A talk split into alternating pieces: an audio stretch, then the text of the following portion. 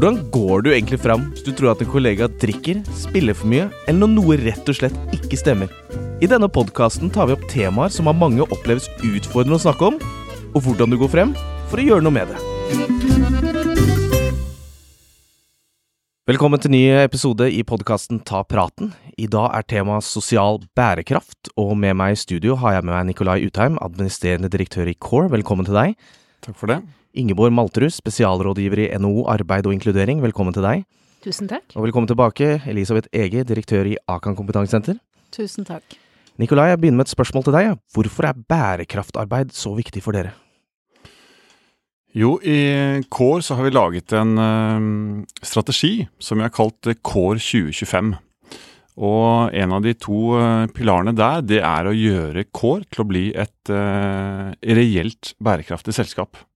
Og det har vi gjort fordi vi tror det er en utrolig fin måte å bygge en kultur på i selskapet vårt. For for oss så handler egentlig bærekraft i stor grad om det å på en måte bry seg bry seg om eh, på en måte hverandre som kollegaer, men vel så mye bry seg om eh, det samfunnet vi lever i. Og vi som en stor og seriøs eh, aktør bør og skal ta en plass i den utviklingen. Og så har vi også Altså, vi lever jo i en tid, og vi lever med omgivelser hvor det også blir stilt måte, forventninger og krav til en aktør som Kår eh, i samfunnet.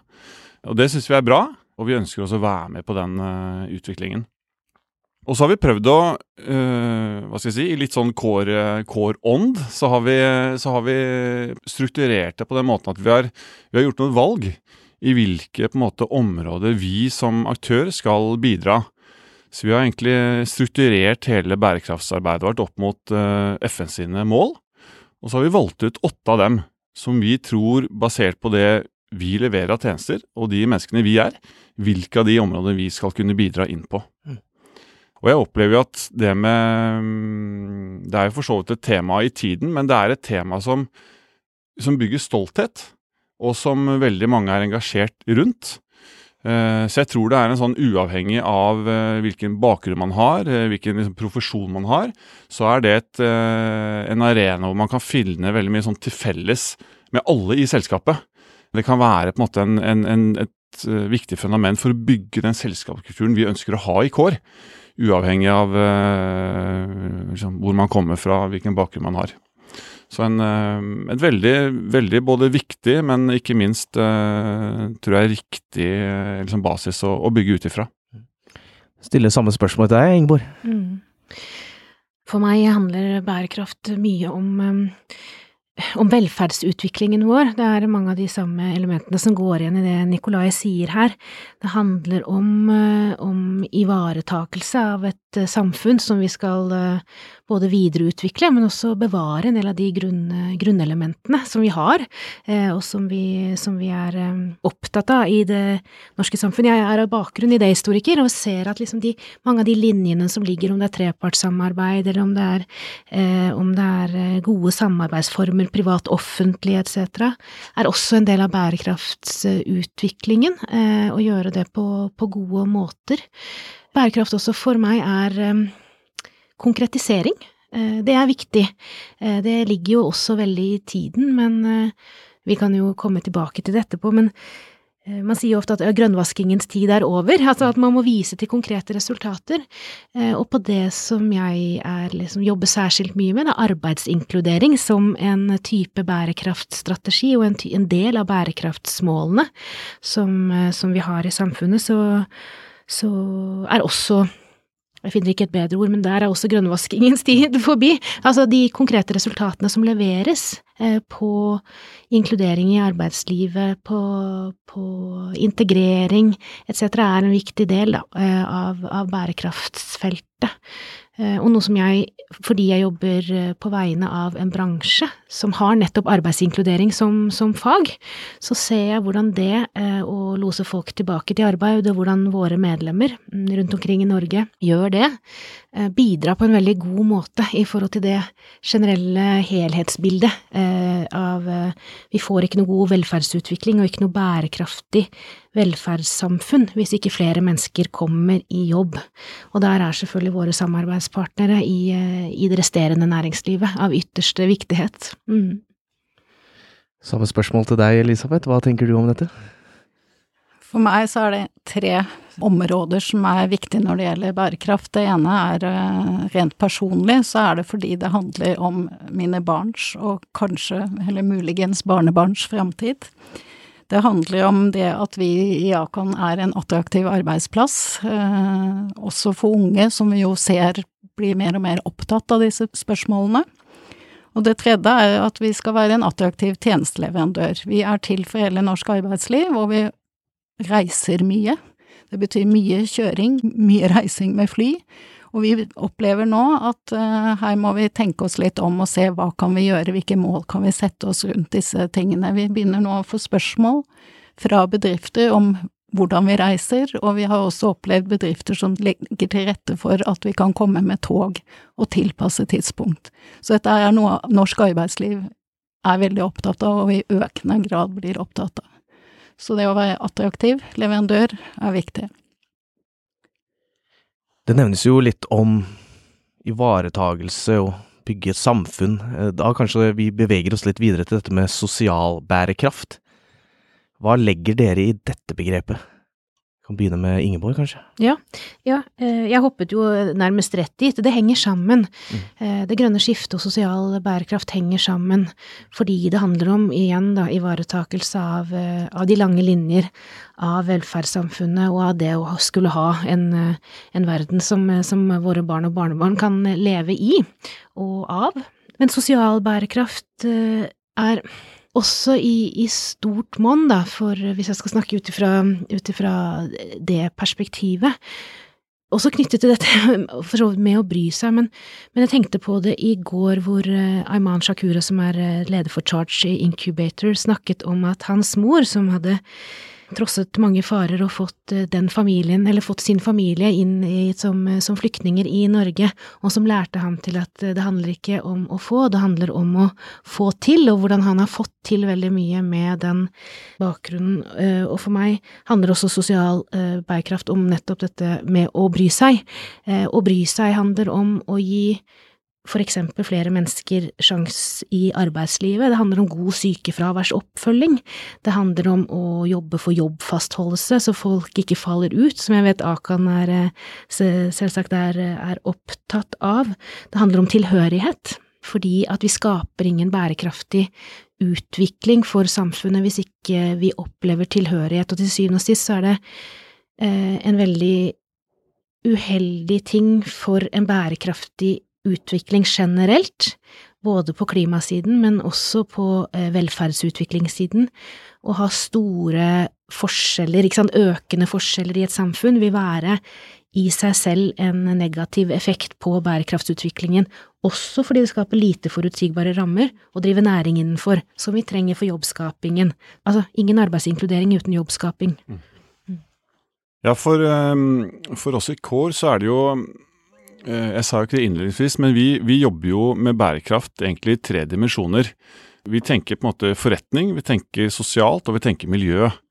Og det er klart, eh, det sosiale for vår del er jo veldig linket inn mot uh, egentlig det du snakker om, Ingeborg. Det med å sant, gi, gi, ansatte en mulighet. Som eksempel var jeg her uh, i våres uh, en dag ute i, i driften og jobbet i en kantine. den dagen var vi 17 stykker på jobb. 16 nasjonaliteter. Og det er egentlig en veldig god beskrivelse på hvordan hverdagen eh, er i Kår. Vi er en veldig sånn, flerkulturell eh, bedrift. Kommer fra veldig mange ulike eh, land med ulik bakgrunn. Og klart Noe av vårt ansvar da, det er å være en aktør som faktisk gir, gir mennesker muligheter. Kanskje i et, altså et, samfunn for øvrig hvor det, hvor det, stilles større og større krav til måte, formell utdannelse og akademisk bakgrunn. Så det å ta den posisjonen og gi, gi folk eh, mulighet, eh, jobbe med alt fra type språkopplæring, som jo er en eh, viktig element i dag i det norske samfunn, å fungere og, og, kunne språket. Jeg syns også det med måte, kompetanse er et viktig element i sosial bærekraft. Det at uh, ulike bedrifter tar ansvar for å bygge kompetanse. For vår del handler det om å gi, uh, måte, tilby muligheten til å ta fagbrev på jobb. Som er en veldig uh, si, det, det, skorter i dag i det norske samfunnet på, på faglærte personell. Og der må aktører som KÅR i vår bransje, vi, vi må ta den rollen og bidra inn på det området. Uh, og så syns jeg altså dette med, dette med Det er veldig naturlig, og jeg liker at du snakker om, om, om det å bry seg, for det er, i mitt hode det er det det handler om. Uh, og, og, det er klart, i det man Når man evner å ha ansatte og kollegaer som trives på jobb, så har denne positivt med seg i form av at man uh, helt sikkert får et lavere sykefravær. Så det er en veldig sånn Det er en spiral som enten kan dra veldig positivt av seg, eller det omvendte. Så det å virkelig tro på at, eh, og legge til rette for at ansatte kan trives på jobb, som igjen eh, sannsynligvis smitter over på de kundene man betjener, som igjen gjør noe med hele kulturen i selskapet. Så eh, sosial bærekraft er jo, eh, i hvert fall sånn som vi ser det, et, et utrolig viktig parameter i hele bærekraftsdimensjonen. Ingeborg? Ja, Core er jo, et godt eksempel på også et konsern som har skrevet en ringer i vann-avtale. Det er eh, Arbeid og inkludering har på vegne av det offentlige, på vegne av Nav eh, og, eller bydeler eh, eller fylkeskommuner, har jo det mandatet å skulle bistå til å få folk i arbeid. Da er det veldig sentralt at man knytter seg til samarbeidspartnere, blant annet gjennom en ringer ringere vannavtale som vi har, som Core er et godt eksempel på. Og det vi ser veldig mange eksempler på, apropos bærekraft, er jo at nettopp det å få lov til å komme inn, få en sjanse, eh, få lov til å bli løftet øverst i CV-bunken, selv om du kanskje ikke har en CV engang, eh, så skal man ansettes på grunn av sine ressurser, men det kan være lavere inngang ved at, ved at konsern og, og bedrifter, andre bedrifter også tar et bevisst valg i forhold til å ønske å, å, å, vise denne typen sosial bærekraft og gi folk en, en, sjanse, på tross av det som heter krater i CV-en, som jeg liker å kalle det. det er, de er ikke engang hullete alltid. og det ser vi, og vi, altså den den måten som man bidrar til da, å bygge kompetanse i arbeidslivet. Der er jeg veldig for at vi gjør det så fleksibelt som overhodet mulig. Eh, lære hele livet. Modulbasert. Det å kunne falle tilbake på den typen eh, modulbasert kompetansebygging er viktig for at man ikke skal være den første som eventuelt faller ut hvis, eh, hvis det er endringer eller omstillinger i, i bedrift. Så det, det er av absolutt viktighet. Jeg sitter også og tenker på en bedrift her i Oslo som heter Oslo Kollega, som har, et, um, har en arbeidstreningsarena hvor man uh, resirkulerer datautstyr. I den gruppen som er der, er det mange som har uh, som aldri egentlig har kommet seg ut av uh, gutte- og jenterommene. Ungdom med mye drop-out-problematikk, ensomhetsproblematikk etc og, og, hvor de har arbeidstrening som er knyttet til resirkulering, resirkulering av datakomponenter. Så får du både sirkulær økonomi, arbeidstrening, og forhåpentligvis veien peker ut i ordinært arbeidsliv senere, med litt sånn kompetanse i ryggsekken, forhåpentligvis noen mestringsopplevelser som det er altfor lite av for for denne gruppen. Vi har jo en eksplosiv vekst i uførestatistikken, og særlig blant de unge. Det er ikke bærekraftig på noe som helst måte, eh, rent samfunnsøkonomisk. For de menneskene det gjelder, er det jo en fryktelig dårlig start på livet, rett og slett, eller på, på voksenlivet. Eh, og for, eh, for, vår velferdsstat så er det ikke verken økonomisk eller for så vidt sånn individmessig og arbeidslivsmessig bærekraftig. Dette er jo det som sjefsøkonomen i, i NHO snakker om som haikjeften. Mm. Utgiftene går opp og inntektene synker. Det, det gapet må, må absolutt uh, tettes. Elisabeth? Helt enig. Det at eh, så mange, og særlig da unge, eh, er uten arbeid, det er en trussel for velferden vår. Og i Akan så jobber vi jo nettopp med det, altså vi hjelper ledere og ansatte til å hindre at folk faller ut av arbeidslivet. Så vi henger vårt arbeid mye på FNs bærekraftsmål nummer tre, som er god helse og hvor det også er et delmål som sier at man skal forebygge eh, rusmiddelbruk og håndtere det på best mulig måte, litt fritt referert. Og da er vi helt i kjernen på det vi holder på med. Eh, vi er hver dag ute og hjelper virksomheter nettopp med, med dette arbeidet. Overføre kunnskap og bevissthet. Og skyte inn i det et, et, prosjekt som jeg liker veldig godt, som, som Nav uh, gjør, som heter Helse i arbeid. Og jeg liker så godt bare tittelen på, på, tanken, uh, å bygge bygge helse og arbeidstilhørighet som, som, to felles pilarer. Det har jeg, altså, jeg har tro på det, vi har vel alle tro på det, men også forskningsbasert så ser man at det er veldig effektivt for, for å holde arbeidsstokken i arbeid. Mm. Det vi gjør, vi jobber jo etter en kunnskapsbasert modell hvor første anbefalingen vår er jo snakk om hvordan dere vil ha det på jobben, både med tanke på helse, men da knyttet til rusmiddelbruk, spillproblematikk. Altså hva er greit, hva er ikke greit? Og sørge for at alle kjenner disse, eh, denne policyen, innholdet i den. Og det andre er at ledere, og det har vi vært litt innom her, det å tørre å bry seg. At ledere tar en samtale så fort de får den litt vonde magefølelsen, for det det er ikke sikkert å ha med russ eller avhengighetsproblematikk å gjøre, men, men, det å vise at du ser din medarbeider, at du tør å bry deg, kjempeviktig.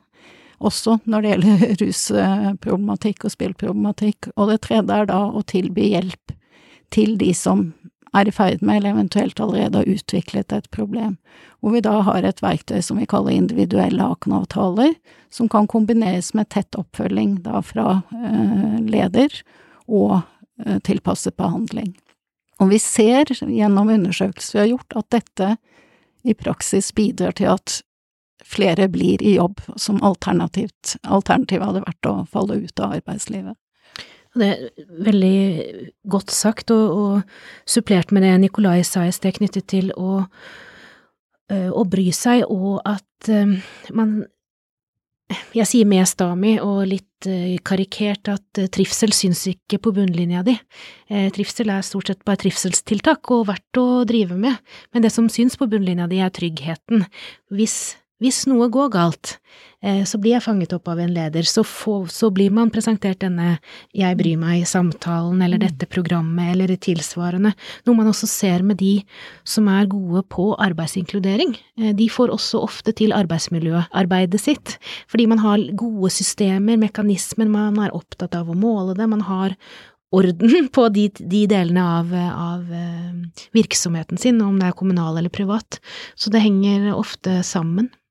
Og så er det jo noe med det at uh, altså Jeg tror alle, alle mennesker har jo et behov for å bli sett. Og føle at man betyr noe, at man eh, er en liksom, viktig brikke i helheten.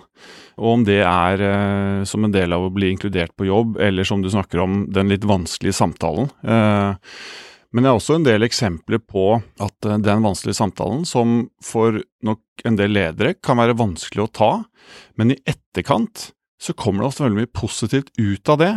Fordi eh, det skaper, liksom, det skaper noen bånd, og den personen som, som uh, da føler at den blir hørt og blir sett og blir lyttet til, det er jo ganske, ganske kraftfullt. Så, og I Kår jobber vi også mye. Vi har en egen eh, på en måte Akan-policy. Eh, og har sånne uh, kvartalsvise temakort, hvor, uh, hvor, Akan faktisk nå er tema for tredje kvartal. Så nettopp, nettopp, gjennomført. Men da går mye av fokuset går nettopp på det å kunne gjennomføre den vanskelige samtalen, og hvorfor det faktisk er så verdifullt. For det er så lett å ikke gjøre det. Det er så lett å ha den magefølelsen som du snakker om, og du vet at det kanskje er noe, eh, men det å faktisk våge å ja, våge å ta praten, det, det kommer ofte veldig mye bra ut av det. Og det er helt eh, Altså deler veldig det du mm. sier der, og vi får jo mange hundre samtaler inn til vår veiledning og, og chat mm. uh, årlig, og veldig mange handler om det, nettopp om det at det er en leder som er bekymret, mm. har lurer litt på hva dette her mm. er, og hvordan skal jeg ta den praten. Og det, samtidig så hender det også at vi får først telefoner hvor man spør hvordan skal jeg gjøre dette, og så får vi tilbake telefoner noen dager etterpå og sier nå har jeg tatt samtalen, jeg følte at det gikk dårlig, men noen timer etterpå så kom personen inn til meg og mm. sa at jeg er glad for å bli sett. Mm, mm, ja. Ikke sant. Ja. Så uansett hvilken opplevelse en leder har etter en sånn samtale, så setter det i gang tanker i hodet mm. på den som eh, blir pratet med, og som du sier, de blir sett. Mm. Ja. Så det er noe av det viktigste ledere gjør, er uh, tørre å ta disse samtalene, mm. uavhengig av hva problemet er. Mm. mm. mm. Og, og, det er jo veldig velkomment, det å bidra med den typen kunnskapsutvikling. Det er eh, Norske ledere har mye krav i alle retninger, og eh, konsernene har, har, sine krav, men der har man jo ofte i hvert fall en, eh, en, litt sånn større stab, hvor man kan fordele litt ansvarsområder. 98 eh, av norske bedrifter er små og mellomstore. Det er klart, da er det, det er mye du skal kunne, og det er mye du skal rapportere på, og, og det å kunne tilby den typen kunnskapsutvikling er så viktig eh, for at vi, apropos, i fellesskap utvikler denne bærekraftige velferdsutviklingen jeg kjenner det igjen fra, fra eh, en del HR-ledere som sier, og, og, bedriftsledere i mindre bedrifter også, som sier at vi etter at, å jobbe tett med arbeid- og inkluderingsbransjen om Ringer i vannet-satsingen, så, så leser vi CV-er på en helt annen måte. Jeg leser mine medarbeideres CV på en annen måte. Jeg spør hva de kan på en ny måte, som er denne kunnskapssiden. Da er det arbeids- og inkluderingskompetansen som de har utviklet seg på i samarbeid med veiledere fra kunnskapsfeltet eh, i, i, denne, i, dette eksempelet fra arbeid og inkludering, da. Eh, og, og, det er interessant, det hadde vært et drømmescenario hvis man var overflødig. Altså, hvis, hvis, alle, hvis, alle, norske ledere implementerte eh, dette, eh, men, men, det er jo ikke et mål i seg selv, bare vi kunns får kunnskapen ut der hvor det monner, da. Mm. Og det er jo på alle felt, egentlig. Det er kunnskap og bevissthet det handler om. Jeg har selv et eksempel på det knyttet til de områdene Akan jobber med. Altså, jeg har vært leder i andre bransjer tidligere, og tenkte ikke på disse tingene. Så kom jeg inn, og så får jeg kunnskap og bevissthet som altså Altså, det åpner eh, perspektivet, det er det det gjør. Og det tenker jeg det er sosial bærekraft det handler om, det er å bry seg med mennesker, skjønne, se helheten. Ja. Men det er jo Jeg tenker det det er jo noe veldig positivt i den utviklingen. At uh, alt fra store og små uh, bedrifter, uh, offentlige som private, i mye større grad både ønsker og ser verdien av å ha fokus på nettopp det her. litt mer på en måte myke verdier enn det man kanskje har sett historisk. Men jeg tror det er helt avgjørende også for å faktisk kunne være med og, og være en arena for ny arbeidskraft. Fordi det, det er det her man er opptatt av. Så skal man være attraktiv og tilknytte seg kloke og, og, og, bra mennesker, så må man eh, jobbe og ha fokus på det her. Ellers så blir man helt akterutseilt. Så det er en sånn eh, Man blir også satt, satt på sånne forventninger og krav utenfra som bare er med på å forsterke den utviklingen, og det er veldig bra. Absolutt, og jeg tenker at det, det forsterkes. Vi har jo hatt lenge en situasjon hvor man har eh, måttet gå i sømmene eh, på forbrukssiden og, og, produksjonssiden. Gå i sømmene, underleverandører, ikke sant, innkjøpskjedene etc. Altså mye som Initiativ for etisk handel for eksempel har jobbet mye med. Eh, og så ser man mye av det samme på sosial bærekraft.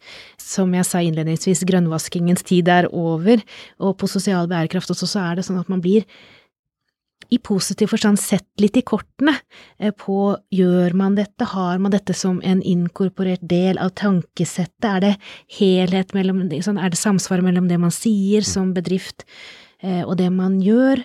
Det, og det gjelder for, også for offentlige virksomheter, stemmer, stemmer det overens? Eh, fordi vi, det er flere og flere som er opptatt av dette, så er våkenheten og bevisstheten også økende, og det tenker jeg bare er av det positive, og det handler også om å tiltrekke seg kommende eh, god arbeidskraft, fordi de unge, de er i hvert fall bevisste på hvor de vil jobbe, og dette er en veldig viktig markør for dem, eh, det at man viser den typen eh, bevissthet knyttet til både sosial, men også det grønne skiftet, alle pilarene i bærekraftsarbeidet. Ja, vi har ja, siste halvannet året så har vi gjennomført et prosjekt der vi har snakket med mange unge arbeidstakere, og det, det begge dere nå sier understrekes veldig gjennom de samtalene, eller det kommer fram. Nå søker man ikke jobb for å få en jobb lenger, en søker jobb, eller er opptatt av å jobbe i en bedrift. Sagt litt med store bokstaver, men, eh, men man er opptatt av å finne en arbeidsgiver som har de samme verdiene som en selv. Og vi ser jo at dette med særlig miljøperspektivet, men også etter hvert da sosial bærekraft, er kjempeviktig del av det. Så det går på det å være en attraktiv arbeidsgiver også for den yngre arbeidskraften. Og det IKI KI har vel sikkert en del unge, vil jeg tro. Jo, absolutt. Mhm. Og jeg tror, jeg tror liksom Den store terskelen, den, det tror jeg er å eh, For én ting er på en måte å hva skal jeg si, ha, ha fokus på bærekraft og sette i gang enkelte tiltak. Men jeg tror hele liksom, game changeren er jo å få hva skal jeg si, hele bærekraftsdimensjonen til å bli en del av liksom, den daglige virksomheten din. At du, i, I alle beslutninger man tar, og de valgene man tar som, som selskap, så skal bærekraft være like naturlig element å tenke som, uh, som andre dimensjoner. Og det er først da jeg tror man virkelig får uh, effekten av det. Så jeg tror vi fortsatt, eh, hva skal jeg si, som, som samfunn og alt som skjer i Norge, har en vei å gå i form av å bevege oss fra bort fra veldig mye fine ord og plansjer, til å virkelig eh, se at det gjennomføres i det daglige. For da tror jeg det kan bli ganske mye mer kraftfullt. Ja, det, det kjenner jeg veldig igjen. Og det, på arbeidsinkludering for mennesker som har en funksjonsnedsettelse, så ser man jo at det har vært mange fine, gode ord over årtier. Eh, og så står dessverre, eh, sånn rent statistisk sett, eh, andelen som kommer i arbeid er fortsatt for lav, og den er tilsvarende som den har vært i veldig mange år. Så jeg har veldig håp om at nettopp en økt bevissthet vil skape i positiv forstand igjen, en, eh, en strengere eh, krav til etterprøvbarhet. Nå snakker jeg ikke lovmessig, men jeg tenker sånn i forhold til samsvar og kommunikasjon eh, og, og, bedrifters måte å snakke om bærekraftsmål og offentlige virksomheter, at man konkretiserer det er mye ressurser på avveie i dette landet, blant annet eh, i gruppen for, i, som, unnskyld, som har um, funksjonsnedsettelse, og det, det syns jeg ikke vi kan være bekjent av. Eh, Så det, der, der tenker jeg at det er håp om, om denne etterprøvbarheten. Mm. Nikolai, har du noen eksempler på hvordan dere jobber med sosial bærekraft? Ja, det har jeg. En av de tingene vi gjør, det er at vi har annet eh, startet opp eh, fagopplæring på jobb. Det vil si at vi tilbyr eh, fagbrev for institusjonskokker og byggdriftere og renholdere. Og det gjøres som en del av det å være ansatt i kår, som gjør at terskelen for å være med på det er litt lavere enn å gå ut på egen hånd. I tillegg så driver vi språkopplæring. Eh, og det er utrolig viktig i et selskap som Kår, eh, med veldig mange ulike nasjonaliteter. Men noe av det jeg kanskje mm, er mest fornøyd med, det er å gi eh, kollegaer i Kår muligheten som de ikke nødvendigvis hadde fått alle andre steder. Og jeg syns det er veldig gøy, for vi hadde mm, I Kår så har vi årlig en sånn seremoni som vi kaller Core Awards, som er en måte å på en måte anerkjenne fine og gode prestasjoner på. Og en av de som eh, i år gikk helt til topps i den kåringen, eh, i hele Kår i Norden, blant 11 000 ansatte, det er en kollega av oss i Norge som heter Bojan. Som kom hit fra Sarajevo for en del år siden og har jobbet seg opp i Kår og ble kåret til årets leder i Kår, hele konsernet. Og det er en fantastisk historie, som viser at det er eh, fullt mulig å, å lykkes på den måten, hvis man på en måte legger litt til rette og eh, kanskje ser, som du sier, på CV-er og bakgrunn på en litt annen måte enn eh, man tradisjonelt har gjort. Samme spørsmål til deg, Ingeborg. Ja, jeg føler meg jo veldig heldig, fordi arbeid- og inkluderingsbedriftene i Norge skaper jo denne typen suksesshistorie sammen med sine samarbeidspartnere hver dag. De får 10 000 mennesker i jobb em, på årlig basis. Jeg sitter og tenker på en veldig fin fortelling som jeg var så heldig å få møte en av arbeidssøkerne som har vært i en eh, arbeidstrening eh, hos en bedrift eh, en arbeid- og inkluderingsbedrift i Oslo. De driver blant annet arbeidstrening på det som heter PS Hotell, som nå Choice har kjøpt, som er et arbeidstreningshotell. Og denne Rune, som da har hatt ulike typer utfordringer og hatt løselig tilknytning til arbeidslivet i kanskje hele 20-årene, og som han sier selv har prøvd å, å gjennomføre videregående skole fem ganger, men det, er, det ligger ikke for ham, han lærer på en annen måte. Eh, viste seg gjennom arbeidstreningen at han hadde en uvanlig god teft for, eh, for, IT, for systemer, og at han helt skjult, uten noe fagbrev, uten noe eh, oppføring på CV-en, så hadde han hatt denne interessen og denne utviklingen siden han var veldig ung. Altså, han var 14 år gammel og hoppet over gjerdet på Grønmo og satte sammen sin egen Altså tok komponenter og satte sammen sin egen PC, men aldri noen papirer på det, og ikke noe god selvtillit på det heller så avdekkes dette, og man starter en arbeidstreningsløp hvor man eh, er på arbeidstrening på PS Hotell og går videre til Radisson-konsernet videre i arbeidstrening, og får prøve seg i arbeidstrening hos IT-sjefen hos Radisson. Etter mye faglig godt arbeid fra Arbeid i inkludering, eh, dette var Oslo-kollega og en enorm innsats fra ham, og god tilrettelegging fra Radisson-systemet, så er nå han IT-sjef for Radisson sitt hovedkontor og to av de største Radisson-hotellene i Oslo, og har fått sin egen assistent gjennom Ringer i vannet-systemet. Så det, det, er en fortelling om at eh, konkretisering av denne typen eh, sosialt forankret tankegang gir effekt. Eh, folk har ressurser, og når de får lov til å komme komme til bordet med dem, så, så får folk vist at, at, de kan, bare vi legger til rette for, for gode løp. Og avslutningsvis, samme spørsmål til deg, Elisabeth. Ja, vi har, vi har, jo mange eksempler. Til syvende og sist handler jo Akan-arbeidet, da, for å kalle det det, for uh, om enkeltindivider. Og, og, når jeg første gang jeg møter et menneske, og hun forteller Akan har reddet livet mitt, så er det klart da, det forteller enormt mye. Et annet eksempel som dere kan finne en film på Facebook-siden til Akan, det er en film om, eh, jeg kan bruke navnet hans siden han har stått fra mureren Runar, som jobber i Veidekke. Veidekke vant Akan-prisen for noen år siden. Han forteller der sin historie om hvordan rus var i ferd med å ødelegge sitt andre ekteskap og livet hans. Eh, han fikk hjelp på arbeidsplassen, fikk behandling, individuell lakenavtale, og er nå har vært rusfri og i jobb i mange, mange år.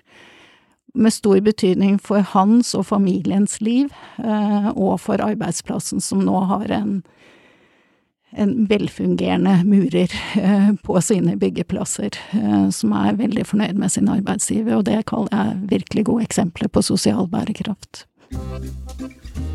Da er vi ved veis ende. Tusen takk for at dere lytta på der ute, og tusen takk til alle sammen i studio. Takk for at du lytta til podkasten. Husk å abonnere, så får du neste episode direkte inn på mobilen din. Ønsker du mer informasjon om hva du kan gjøre, så finner du det på akan.no. Er du bekymra? Ta praten.